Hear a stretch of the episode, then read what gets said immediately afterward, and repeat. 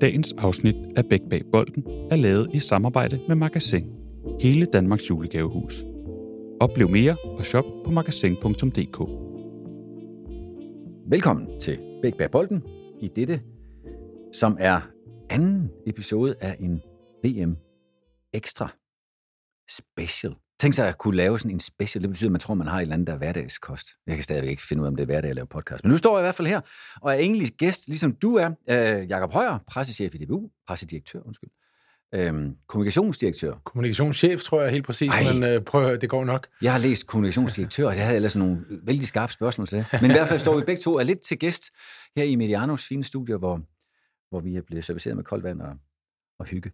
Øhm, velkommen til, Jacob. Jo, tak. Og tak, fordi du Fornøjelse. vil lokkes her hen. Jeg har varslet dig om, at jeg gerne vil snakke med dig om både det job, du nu har bestridt siden 2014 ja, i DBU, øh, og undervejs også med særlig fokus på det, der venter dig i forhold til en EM, nej, VM-slutrunde, som vi står overfor. Jeg er sikker på, at mange andre vil gå meget benhårdt på en eller anden Katar-vinkel og vælge at, at være meget kritisk, og det kan vi have alle mulige grunde til, men det er faktisk ikke mit formål med det her, den her snak. Så det, det, det skal folk ikke sidde og forvente. Det kan godt være, at der kommer øh, nogle af de naturlige implikationer i snakken, som der er ved at være i Katar, men, men det er faktisk ikke for at finde ud af, om Danmark skal være med til VM eller ej, eller, eller andet, som i øvrigt ingen folketingspolitikere går og snakker om lige i de her valgtider, hvor vi optager inden valget. Det er jo den anden historie. Pyt med det. Jakob, øh, jeg skal ikke fortælle dig om dit liv, det ved du bedst, men til lytterne, som jo helt sikkert kender dig nok bedst fra din debutansættelse her på 8. år, så ved jeg jo nu, at du har fod i journalistikken, og en af dem, en af dine to fødder, hører til kultur. Øhm, Udover at du har faktisk været særlig rådgiver for en kulturminister, Brian Mikkelsen, Ja. tør jeg sige, at han havde brug for det, på egen regning. Ja. så øh, har du også været kulturredaktør, øh, både på Jyllandsposten København-afdeling og i Ja, lige Berlingske. præcis. Og Bering skal være kulturredaktør i nogle år, og har været chefredaktør på Metro Express, så jeg har Præcis. været godt omkring i, i medie- og dagbladsbranchen. og være på sporet af noget ved DSB. Det, Øh, der var jeg kommunikationsdirektør, og, øh, hvad, hvad angår krisekommunikation, så skulle jeg helst at sige, så havde jeg nogle år der, hvor jeg lærte en del, øh, hvor der både var noget, der hed IC4 og rejsekort og, og alle mulige andre store sager. Og det er jo faktisk en meget god baggrund at have, når man er i sport, hvor man øh, i de fleste, jeg kender fra klublivet, har, har, har kriser med nogenlunde hyppighed, måske en gang om måneden, og det, det er så en, en særlig egenskab at have. I hvert fald kigger jeg på et menneske, som har arbejdet hele sit liv i journalistik, og jeg står her som ham, der skal stille spørgsmål. Og jeg er ikke en skid journalistik, eller journalist. Jeg har faktisk jeg har brugt 35 år af mit fodboldliv på at være altså, virkelig besværlig for journalister. Så lad os gøre det til en samtale, snarere et interview. Der har jeg det bedst. Det lyder godt. Ja, tak. Det betyder jo også, at du har indflydelse på, hvad vi snakker om. Godt være, jeg har forberedt noget, men øh, vi er to om det. Så lad os starte med at danse. Øhm, Jakob, du har nu været i jobbet i plus minus nogle måneder, otte år. Og øh, hvad er det, der er på dagsordenen, når man er kommunikationschef i, i DBU? Prøv at tage mig med i arbejdsprocessen. Jamen, det er jo blandt andet det, som vi står foran, og lige nu der handler det mest i, i, hele DBU-huset og hele fodboldens hus jo om, om det VM, der begynder om få uger. Øh, vi er alle sammen i gang med at forberede. Vi forbereder øh, pressearbejde, hvordan skal vi tage imod øh, de journalister, der er dernede. Vi ved, hvem der kommer af danske journalister. Vi aner ikke, hvor mange der kommer af de udenlandske. Hvordan kan vi øh, servicere Danmarks Radio og TV2, som er dem, der har rettighederne, det er dem, der viser kampene. De har rettighed til, hvad kan man sige, nogle særlige interviews og nogle, nogle andre ting, det prøver vi at få et samarbejde på. Og så prøver vi også selv at lave nogle kampagner på sociale medier. Vi laver interviews, vi laver små film, vi øh, øh, håber at lave nogle fede arrangementer øh, her i Danmark. Øh, vi, vi har jo taget det standpunkt, der hedder, at vi vil ikke flyve en masse øh, sponsorer eller fans eller gæster ned til Katar, fordi vi ikke bakker op om placeringen af det her VM. Det kan vi komme tilbage til. Øh, så vi prøver at lave nogle fodboldfester herhjemme i Danmark, øh, så, så der er rigtig mange i gang med at arbejde på det.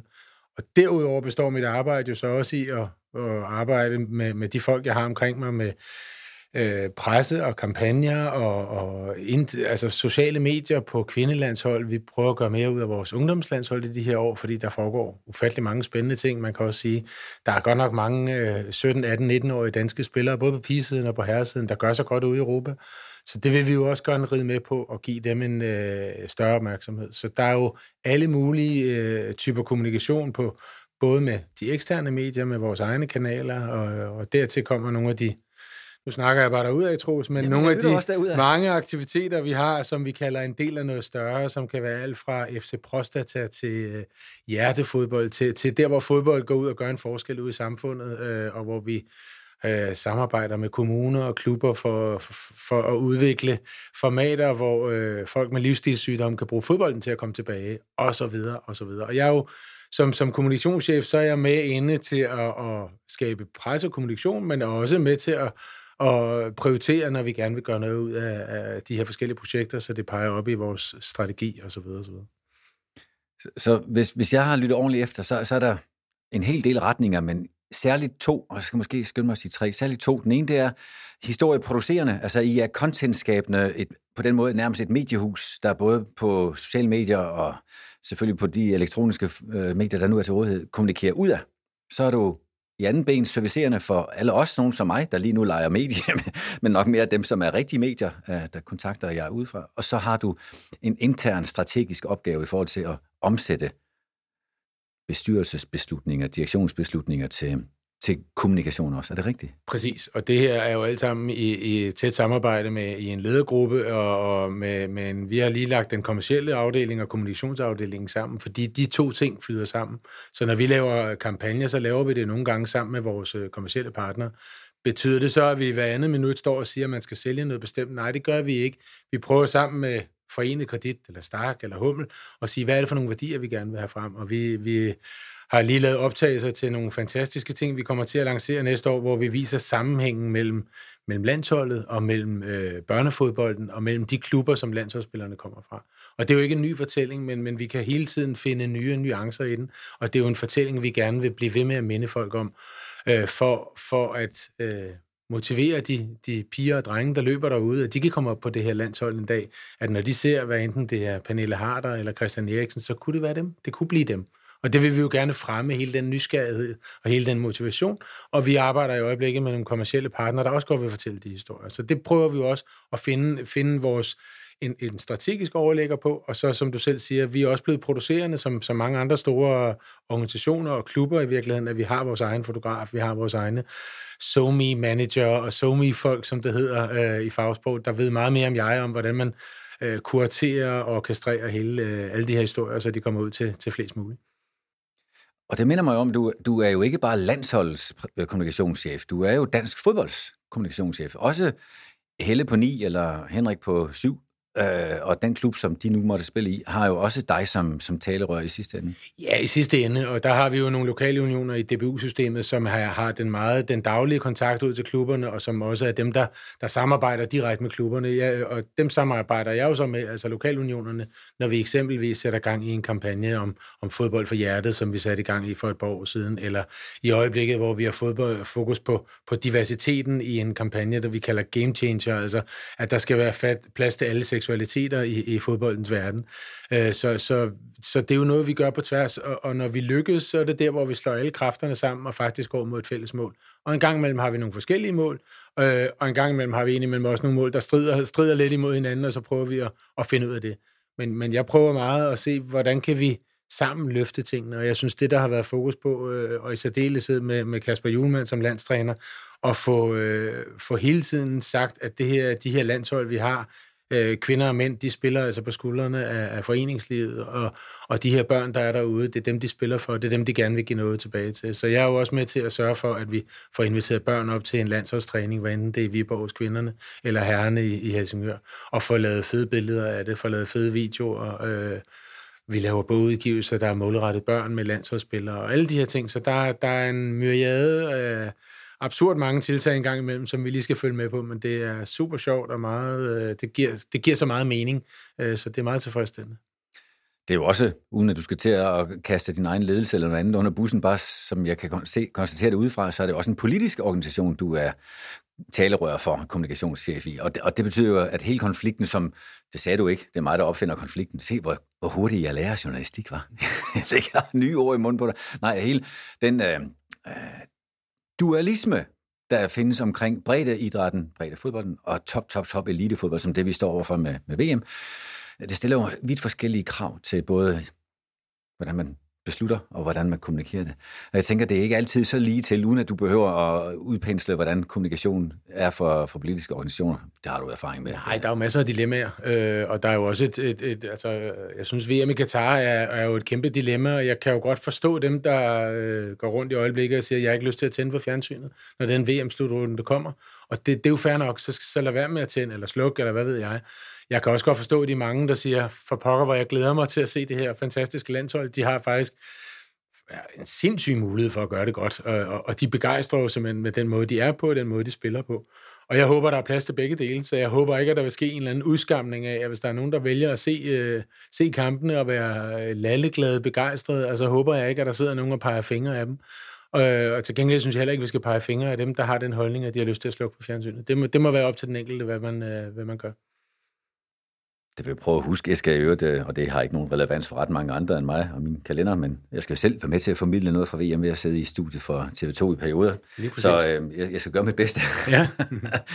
øhm, inden, inden vi dykker alt for meget ned i, i VM-slutrunden, der kommer lige om lidt, så øh, lad mig få et lidt mere indblik i, når du står som chef, jeg kom til at gøre det til direktør, og det var fordi, jeg var i gang med at finde ud af, hvordan det var i beslutningslaget derude og ledergruppen, men, men jeg ved, at du sidder i ledergruppen uagtet det sidste del af, af titlen, så, øh, så er det fordi, du ikke er alene jo. Hvor mange mennesker er i kommunikation, og nu åbenbart også øh, den kommercielle afdeling? Ja, vi, vi har en afdeling, vi kalder kommunikation og kommerciel, hvor vi er en, en plus minus 25 mennesker, og det er inklusive nogle, nogle øh, projektledede ansatte og nogle praktikanter, der er inde og hjælper os. Øh, og det er jo så, i og med det er begge, der er nogen, som er ekstremt kommercielle, og som er specialister i, i samarbejdet med vores partnere. Øh, der er nogen, der har med marketing at gøre, der er nogen, der sidder med billetsalg.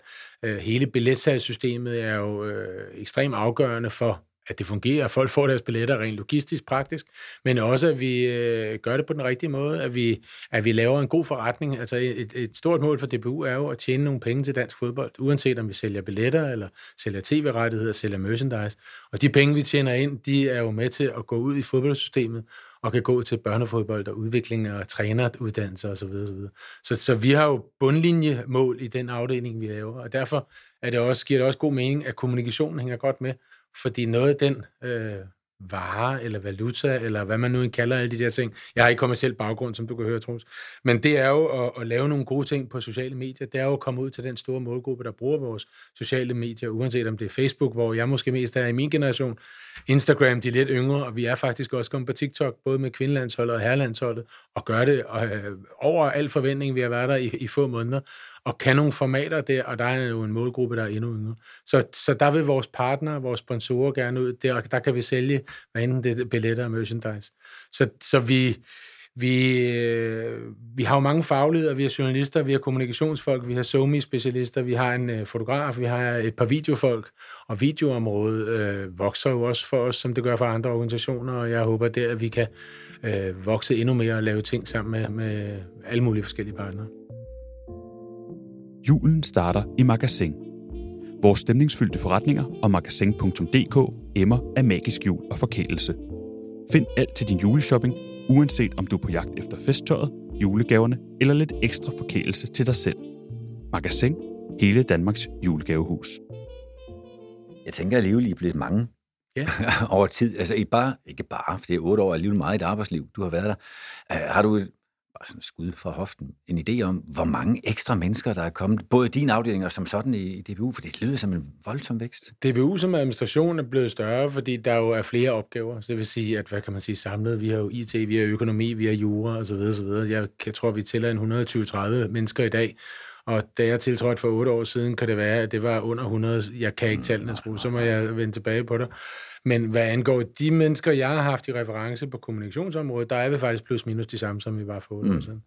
Der er kommet en ændring i det. Jeg har haft brug for at få nogle folk ind, der har noget øh, public affairs forståelse, altså det, der handler om at samarbejde ind mod Christiansborg og være erfaren i at have mange forskellige samarbejdspartnere og interessenter og jeg har nogle journalister, som, hvor det ikke har været afgørende at have forstand på fodbold. Det er jo ikke fordi, at jeg opsøger, at vi ikke skal have forstand på fodbold, men nogen, der måske forstår de andre nyhedsagendaer, der kan køre, uanset om det er Katar eller en diskussion, der kan opstå omkring diversitet eller øh, homofobi, som jo også har været et, et, øh, tilbagevendende emne og, og, en, og en relevant diskussion i idrættens verden og her, herunder dansk fodbold. Så der er nogle andre kompetencer, der er kommet ind. Og så synes jeg jo, hele øh, sociale medieområdet, der, der kan vi jo se, at vi bliver nødt til at opgradere hele tiden og have nogle folk, der forstår, hvordan man laver video til TikTok, for det forstår jeg ikke. Og, og det skal så, øh, og det ved jeg ikke, hvorfor det skulle være interessant for dig eller andre, men, men jeg kan konstatere, at jeg er jo stadigvæk en nybegynder i det fag med, med SoMe. Jeg er så en nybegynder, så jeg er til kommet til helt forkert, og det må jeg undskylde alle, alle jer, der tager anstød det og kalde det MeToo. Og det ved jeg godt, når jeg tænker mig om. det er noget andet. Det er noget helt andet, det er der ingen, der har. Øh, men i hvert fald, ja, det, det, det, er en, en afdeling i vækst, kan jeg tydeligvis høre, og det er klart, at det må også stille nogle nye opgaver og nogle nye krav til dig. Øhm, nu, nu nævnte du, at I, skulle, I, I havde ansat nogen, som havde skal vi sige, mere speciale i public affairs. Du har jo selv arbejdet inde på Borgen i forhold til den tid, hvor du rådgav Brian Mikkelsen. Øh, men det er jo også et spejl af, at fodbold og politik selvfølgelig hænger sammen. Uanset hvor meget man i måske 100 år har forsøgt at gøre det, gøre det til en, en adskillelse, så, så er det det jo ikke. Og det er vi jo i fuld gang med at genopdage nu her med, med historien omkring, øh, omkring øh, Katar. Og noget af det første, jeg vil spørge dig om, nu nærmer vi os slutrundt til snakken, ja. ikke?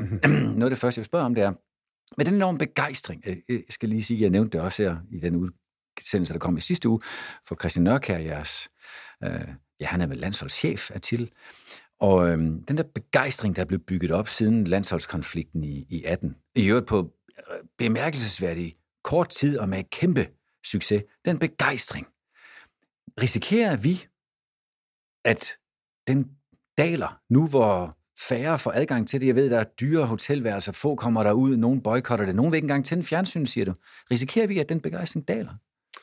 Det håber jeg ikke, øh, men det kan, der, er jo ikke, der er jo ikke mange, der kan kende fremtiden. Øh, jeg tror faktisk, at det er de færreste, der vil slukke for fjernsynet, og jeg tror, at, øh, at hvis holdet, øh, og det er jo det, det kommer øh, ned til i sidste ende, leverer rigtig godt på banen, øh, så tror jeg, at der er nogen, der får lyst, så er der endnu flere, der får lyst til at tænde. Jeg tror ovenikøbet, at vi starter lidt med en kamp midt i arbejdstiden, ikke klokken 14. Ja. Det bliver spændende at se, om hele Danmark går i stå, og, og folk samles i kantiner, eller sidder foran deres egne øh, iPhones eller iPads. Øh, jeg tror, at, at øh, i en tid, hvor vi har øh, været spærret inde, skulle jeg til at sige, i vores hjem i, under corona, hvor der er krig i Europa, hvor der er øh, kæmpe mm, udfordringer i samfundet, øh, inflation og, og mange andre ting, som, som er meget alvorlige, så tror jeg endnu mere, at vi har brug for det her med begejstringen. Vi har brug for at samles i nogle fællesskaber og være, og, og, og undskyld mig udtrykket, være lidt lalleglade og frie i, i en, en øh, jubel over en scoring. Og det er jo noget af det, som idræt kan. Det er jo noget af det, som fodbold, synes jeg jo, kan det mere end øh, alle andre idrætter, men, men vi oplevede Tour de France, det var jo, altså der fik jeg i hvert fald gås ud, og måtte også sidde og knibe en tårer, da han var lige ved at vælte, og, og så øh, Vingegaard. Så sport og idræt kan jo noget, hvor du, hvor du rører mennesker, og det er jo det, der er fantastiske ved at arbejde med det. Og jeg tror og håber stadigvæk, det kan være der, på trods af, at, øh, at vi tager til et VM i et land, hvor vi gør det med en mærkelig smag i munden, og det fylder hos os alle sammen, tror jeg, øh, at det bliver noget mærkeligt noget. Øh, jeg, jeg håber, vi kan, når vi kommer hen til kampene, kan fokusere på det. Både øh, os, der skal arbejde med det, det er jeg ikke i tvivl om, vi kan, men også dem, der, der gerne vil følge med. Og der går jo I så, du og dine folk, dem som du arbejder sammen med i DBU, en indsats for at holde liv i folke, holde liv, altså kommunikere folkefesten ud til dem, som ellers, ellers ikke kan være der. Øhm, storskærmsarrangementer, øh, har jeg jo også læst om, vi talte lige om det, inden vi gik i gang med at optage, ser ud til at være truet i nogle byer, fordi man mener, det ikke er politisk korrekt. Øh, og hvad, hvad kan I påvirke? I kan jo ikke tvinge en stor skærm op på Flakhaven i Odense eller andet. Ja, nu ved jeg ikke, hvornår programmet bliver, bliver vist, Troels, men vi kommer til at lave storskærmsarrangementer. Det kommer vi til at fortælle om om lidt, øh, og det gør vi i, i landets to største byer i samarbejde med, med TV2 Danmarks Radio og med nogle andre aktører. Og det gør vi jo, fordi vi gerne vil lave fodboldfest. Vi vil gerne give de fans, der har lyst til øh, at gøre det på den måde, altså komme ind, hvad enten det er 1000 eller 5000 eller 10.000 mennesker et eller andet sted, hvor vi kan samles og, og have det sjovt, og vi kan juble og, at have det fællesskab, som vi oplever i parken, hvor der jo kunne hjælpe mig at blive udsolgt på to-tre timer i øjeblikket til, til herrelandsholdets kampe. Øh, så det vil vi gøre, og så er der nogle andre, der måske samles hjemme i øh, den lokale fodboldklub, eller hjemme hos, hos onklen, eller hvad ved jeg. Så, så vi vil gerne lave de store fodboldfester, og det er jo et af vores tiltag for at hvad skal man sige, kompensere og erstatte for, at vi ikke laver store fanture ned til, til Katar, fordi vi ikke vil stå som reklamesøjler for, for Katars øh, værtskab her. Så og jeg ved godt, at vi alle sammen har øvet os i nu at være lidt sure på Katar. Altså, jeg synes måske nok, FIFA mm. ryger lidt for langt under radaren der, for det er jo i virkeligheden der, den beslutning, som vi er sure over, den blev truffet herunder med alle mulige øh, stemmer. Øh, nu skal vi ikke til at udkåre skurke og helte i fodboldverdenen på den led, men, men, men det er i sig selv et faktum. Og det jeg så nu hellere vil rette kigge ind mod, det er, når man så står derude, I kommer derud, en stor delegation, øh, der er 30 i staben omkring holdet, ved jeg, og der er så formodentlig 26 spillere, må vi håbe. Øhm, har du nogen, har du tænkt over, hvordan man giver sig selv lov til at være fuld, altså fuld power til stede, uden at skulle løbe rundt med, jeg tror du sagde før, en lidt dårlig smag i munden, eller, altså man kan jo ikke løbe rundt og skamme sig over at være til et VM, når nu man har kvalificeret sig, er der? Altså hvordan, hvordan får man begejstring ind i truppen og staben? Men jeg synes faktisk, det er noget af det, som har været helt enestående ved at være så tæt på, på det her landshold de seneste 3-4-5 år, som du også siger, siden den øh, øh, ærgerlige og tåbelige konflikt, der var tilbage i efteråret 2018, det er, at der er blevet skabt en helt fantastisk stemning. Der er skabt et sammenhold, og det er som om, når spillerne kommer hjem, så glæder de sig helt ekstremt til at se hinanden, men også til, til det her fællesskab, der er på tværs af, af de mange fagledere, der jo er i staben. Der, jeg, der, jeg er der med nogle kommunikationsfolk, vi har behandlere, vi har læger, vi har øh, administrative folk, vi, vi har en masse øh, analytikere og, og, og trænere, så vi har jo alle mulige forskellige fagligheder, og der er sådan en særlig familieånd, hvor vi øh, hjælper hinanden. Der er de her smukke billeder af, når der kommer de her, jeg tror, vi har flere hundrede tasker, når vi skal rykke fra Helsingør, og, og hvad enten vi skal til Baku, eller vi skal til Wien eller Paris, jamen så kommer der en eller anden varevogn derop, og så bliver der altså slæbt igennem, så er det alle i staben, uanset om man er fodbolddirektør, kommunikationschef eller somi-medarbejder, så er alle ude at slæbe, og vi gør det med højt humør, og der, der er nærmest kommet sådan en øh, øh begivenhed i, så er, er, er vognen klar, og så rykker vi sammen. Så der er sådan en, en hjælpsomhed, og vi gør hinanden øh, enormt stærke. Det er fantastisk at være sammen. Så jeg tror og håber, at når vi øh, samles her øh, mandag den 14. november, må det blive, så, så glider vi ind i den følelse, og så kan vi forhåbentlig fokusere og glemme lidt, at det foregår i et, øh, et sted, som, som vi ikke har valgt, skulle jeg helst sige, øh, og som måske ikke er det fedeste sted i verden at være. Det er allerede om fire dage i forhold til, når den her episode udkommer. Sådan. Samles, og så ja. er stedet den 15. allerede, og så kører Præcis. det om ugen, ugen ja. efter. Ikke? Ja. Øh, lad mig lige prøve... Øh, du nævnte i starten, at du havde fra din DSB-tid i særdeleshed erfaring i at være altså, krisekommunikatør, kommunikator. Wow, der kan du se, at jeg er ingen af delene. Sådan.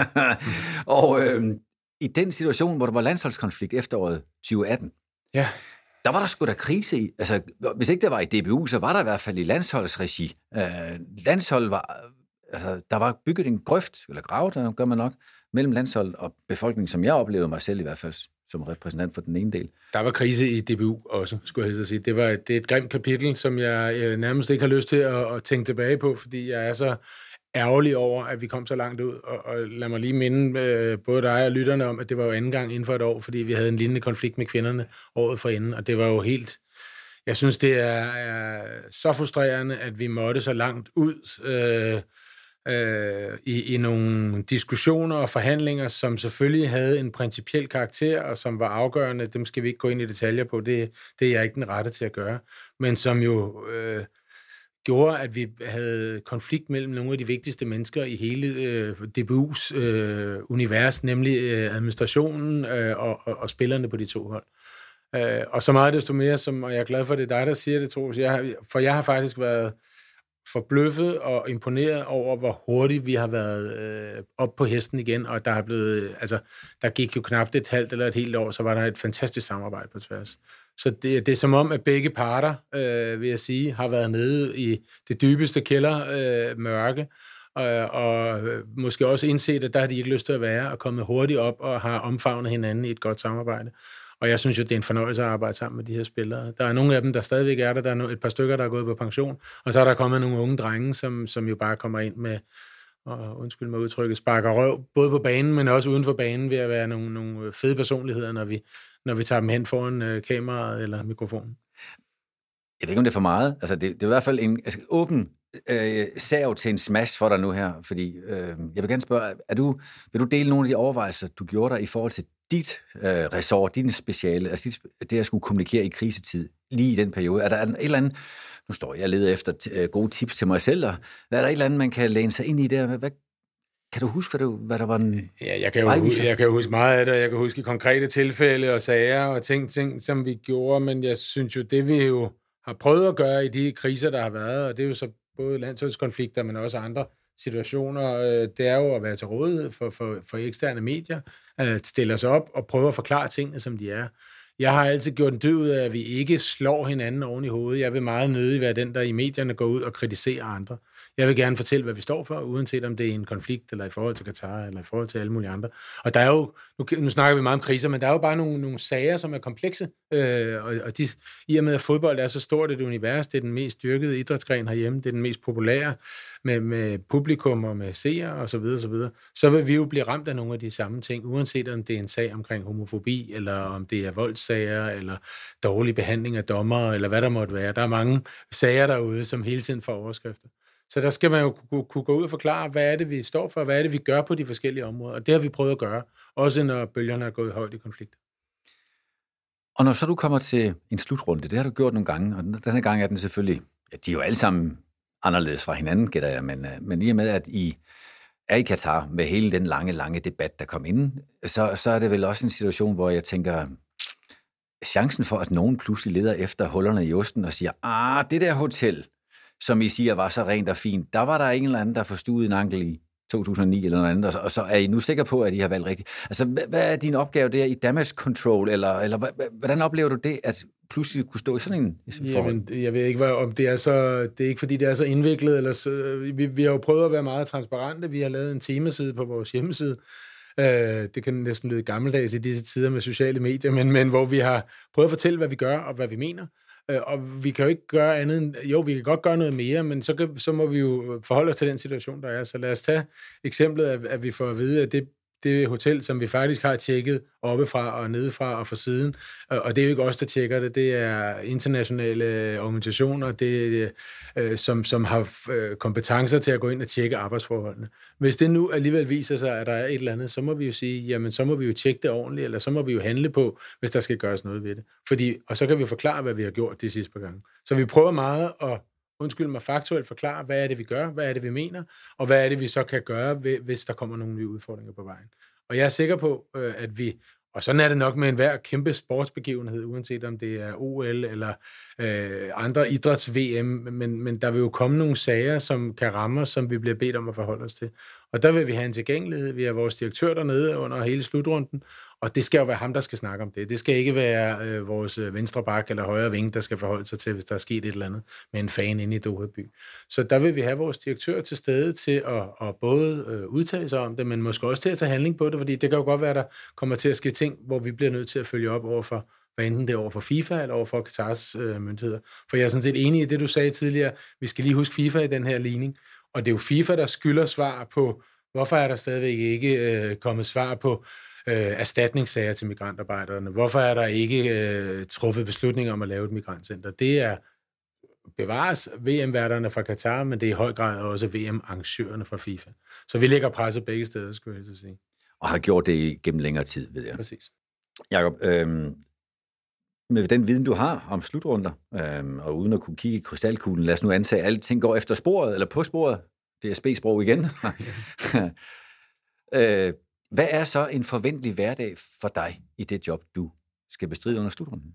Jamen, nu rykker vi jo i maskinrummet, kan man sige, ikke? Og, og vi er afsted med, med en fotograf og en videomand, og, og, og en, der kan presse, og en, der kan zoome så vi kommer jo til at holde daglige medieaktiviteter, øh, hvor vi skal sørge for, at øh, de danske medier og de udenlandske medier får den adgang, de gerne vil have. Og så vil vi også godt prøve at, at mindske afstanden øh, mellem de danske fans og, og, og landsholdet, øh, særligt til en slutrunde, der er de her mange tusind kilometer væk, og der er ikke særlig mange danske fans, der tager ned. Så vi kommer til at lave nogle formater på sociale medier, hvor fansene forhåbentlig kan stille spørgsmål eller være i samtale med, med nogle af spillerne. Øh, vi kommer til at lave nogle øh, film, nogle det ene og det andet, hvor vi, hvor vi forhåbentlig kan igen give fansene et indblik af, hvad, hvad pokker er det at være landsholdsspiller, hvor er de henne, hvor bor de henne, kan man, det kan være, at vi skal filme rundt på hotellet. Det kan være, at vi skal op i deres Players Lounge og se, hvad er det for en størrelse. Og uden at øh, vi skal overvåge de, de kære landsholdsspillere 24 timer i døgnet, det har jeg ikke nogen, noget ønske om. Øh, jeg tror jeg i øvrigt heller ikke, at hverken spillerne eller træneren vil give mig lov. Så vil vi jo gerne prøve at skabe en tæt relation mellem fansene og spillerne. Og det er jo det om noget, sociale medier kan, som vi ikke kunne for 10-15 år siden at vi kan, vi kan skabe en øh, helt vild nærhed, hvor, spil, hvor fans, der sidder, uanset hvor de sidder, kan komme tæt på en Mikkel Damsgaard, eller en øh, Joachim Andersen, eller hvem der nu end er. Øh, og det synes jeg er ret fedt, og jeg kan også mærke, at det er også noget, spillerne synes, der er ret sjovt, at få de der umiddelbare spørgsmål, og det kan være, at vi skal sætte det op, så, så, så øh, børnene i, i øh, sidder i en guld og får lov til at stille spørgsmål til, til Martin Brathwaite, hvis han øh, har lyst til det, eller øh, fra Østerbro til, til Joachim Mæle, og prøve igen at bygge på den der relation mellem øh, deres barndomsklubber op til, til de store landsholdsspillere, som vi kalder dem. Og du har en masse initiativer, og så har du nogle trænere, som det skal jeg ikke lægge i munden på dig, øh, men hvis de er ligesom de fleste andre, som jeg selv kan huske var, så tænker man, ah, de skal bare have fred, når de ikke træner. Kan vi ikke få lov til, altså hvorfor skal vi hele tiden, og, uden du behøver hverken rose eller kritisere de nuværende landstræner, den duel, den må du kende efterhånden gennem mange år. Altså, hvordan lander den igen? Altså, er det dig, der siger, men det skal vi? Eller er det landstræner, der siger, det må de ikke? Eller hvordan fanden er det? Nej, det finder vi ud sammen. Og hvis, hvis, hvis, hvis, uh, uanset om det var landstræneren eller landsholdschefen, der kom til mig og sagde, nu skal vi altså lige uh, have ro til at koncentrere os, uh, mm. så springer vi en dag over, eller så laver vi noget, der tager halvt så lang tid. Vi laver jo aldrig noget på kampdag, uh, fordi det er en dag, hvor, hvor man skal have lov til at gå i zonen. Og, og selv dagen før kamp, der er det også meget begrænset, hvad vi laver. Så det er jo meget, vi, vi går meget op og ned i, hvad skal man sige, produktionsniveau, hvis vi skal tage sådan som en anden fabrik. Øh, og så kan vi jo stadigvæk, der er også øh, fede ting ved bare at være der med et kamera, når de laver skudtræning, og se, hvordan øh, Jesper Lindstrøm og, og Damsgaard, og så selvfølgelig ikke mindst Christian Eriksen, kan sætte den op i krogen, eller hvordan målmændene, de kan øh, lave de vildeste redninger. Og vi har jo haft, nogle, vi har jo haft videoen øh, og kameraet på det rigtige sted rigtig mange gange. Jeg husker stadig, at uh, Delaney han scorede, hvad er det, man kalder den der skorpion, ja. ikke? Uh, hvor, hvor vi havde en drone i luften op i, i Herning, tror jeg, det var på træningsanlægget deroppe. Og vi, vi filmer det her, og vi klipper det, lægger det ud på sociale medier, og så går det jo fuldstændig amok, og ryger jo øh, verden rundt, og bliver set af plus 50 millioner, eller hvad det var. Og det er også det, der gør det sjovt at lave det, vi laver. Øh, og det var, jeg tror, jeg kan ikke engang huske, om det var mig, der styrede, eller mine folk, der styrede dronen, eller om det var vores analytikere, men alle var enige om, at det her, det kan noget, ikke? Og, og det er jo begejstring i fodbold, som vi skal være, vi skal være gode til at være der, og jeg tror, mine videofolk, de måske filmer øh, 20-30 timer, som vi så får øh, 20 minutter eller 2 minutter ud af, men, men det er de rigtige 2 minutter. Så det at være der, og det at være opmærksom på vinklerne, det er... Og være tæt på og have, en, øh, have et samarbejde. Spillerne synes også, det er sjovt at komme med idéer, og vi ved, hvad for nogle spillere, der kan skabe noget, en, en øh, fed energi. Øh, øh, Joachim Mæle og, og Vas, de har et eller andet, jeg ved sgu ikke, hvad det er for en, en øh, bøf på hinanden, men når, når de to bliver, kommer sammen ind i et studie, vi havde dem med, at vi skulle lave VM-sang, hvor de sang sammen, så, så er der fis og ballade, og der er højt humør, og de kan noget sammen. Jus øh, og, øh, og Nør kender hinanden fra Lyngby-tiden, Pierre og Jus fra Skjold. Så der er jo nogle konstellationer, hvor man kan lave noget, noget helt særligt. Og der er det jo vores opgave at, øh, at spørge, om de har lyst, og finde de rigtige formater, der passer til dem. Der er nogle andre spillere, som hellere vil noget andet. Der er nogle, der... De, de er jo meget forskellige alle sammen, så det er jo mere at finde øh, det, der fungerer for den enkelte. Der er samlinger, øh, når der er kamp, og så er der lang pause, hvor landsholdsspillerne er klubspillere. Har du kontakt med den mellem samlinger og nu her i tiden op til øh, udtalelse og slutrunde afrejse? Ja, det har vi. Øh, øh, jeg har det, og mine medarbejdere har det, og vi har det jo på et lavpraktisk niveau, der hedder... Øh, øh det er det medier har spurgt om, de må komme ned ud og besøge jer. Øh, har I lyst til det, og hvem, hvordan gør vi? Øh, men også på, øh, jeg tror i går lagde vi en video op med, med Andreas Skovrosen, eller Andy, som han jo øh, bliver kaldt, øh, hvor han fortæller om sine forventninger til, til kampen mod Frankrig. Øh, fordi han jo scorede mod Frankrig i parken, et fantastisk mål, hvor vi så laver noget, vi kan køre på sociale medier i de her øhm, perioder mellem landskampen. Så vi prøver at opfinde nogle formater og, og prøver at stjæle lidt tid i deres, øh, specielt i øjeblikket, sindssygt travle hverdag, ikke? hvor de jo har kamp hver tredje dag, og så skal de og de restitution og træning og alle mulige aktiviteter i deres klubber. Så så prøver vi at, at lave nogle ting med, med dem der, hvor de er med på Skype eller FaceTime, eller hvad det hedder. Altså. Så, så vi prøver også at skabe den her nærhed til fansene, også når der ikke er landskampe. Jeg kender ikke dit job helt præcis så godt, som du gør. Jeg synes, jeg har en chance for at følge med. Øh, kan jeg have ret i en antagelse af, at du faktisk får mere og mere travlt i løbet af sådan en slutrunde, antaget, at I er med, for eksempel helt frem til den 18. december, hvor finalen bliver spillet. Jeg mener, øh, interessen må jo stige for hver runde, man kommer videre. Det, det forventer jeg øh, helt klart, øh, tror så, og hvad kan man sige, hvis vi skal lave en, øh, bare en lille smule parallel, så fik vi jo øh, travlt alle sammen, jo længere vi kom i, i EM sidste sommer. Der var særligt travlt omkring det, de forfærdelige ting, der skete den 12. juni med, med Christians, øh, med, med ulykken omkring Christian Eriksen. Men, men derfra så voksede interessen, og jeg forventer også, at øh, øh hvis, øh, jeg vil hellere sige, når at holdet spiller fantastisk og vinder nogle sejre, og vi går videre for gruppespillet, så vil interessen vokse. Både for de danske medier øh, og være der endnu mere, men formentlig også for internationale medier. Og det, der er specielt ved den her slutrunde, det er, at alt foregår inden for, for en radius af en time. Øh, Øh, hvor i Rusland, der skulle man jo rejse i 10, 15, 20 timer fra den ene kamp til den anden. Så her, der kan, øh, lad os nu sige, at øh, at Danmark for eksempel gør det fantastisk, så kan alle journalister fra 32 lande øh, melde sig til vores pressesessions, og så er der ikke lige pludselig 30 mennesker, så er der måske 300 mennesker, og 300, der gerne vil alle sammen lige tale. Han en bid af Kasper Julemand, som der er mange, der gerne vil tale med, eller Christian Eriksen, eller hvem der nu en, øh, scorer et fantastisk mål i kamp, øh, to, et, to eller tre.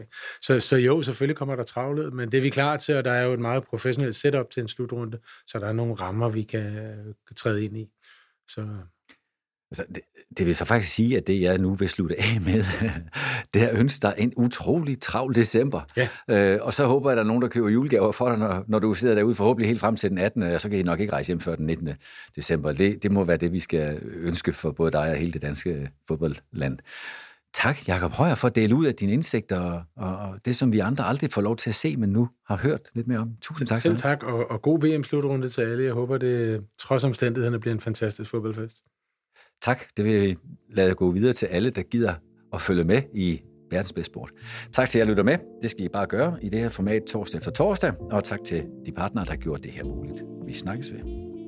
Dagens afsnit af Bæk Bag Bolden var lavet i samarbejde med Magasin. Hele Danmarks julegavehus. Og blev mere og shop på magasin.dk.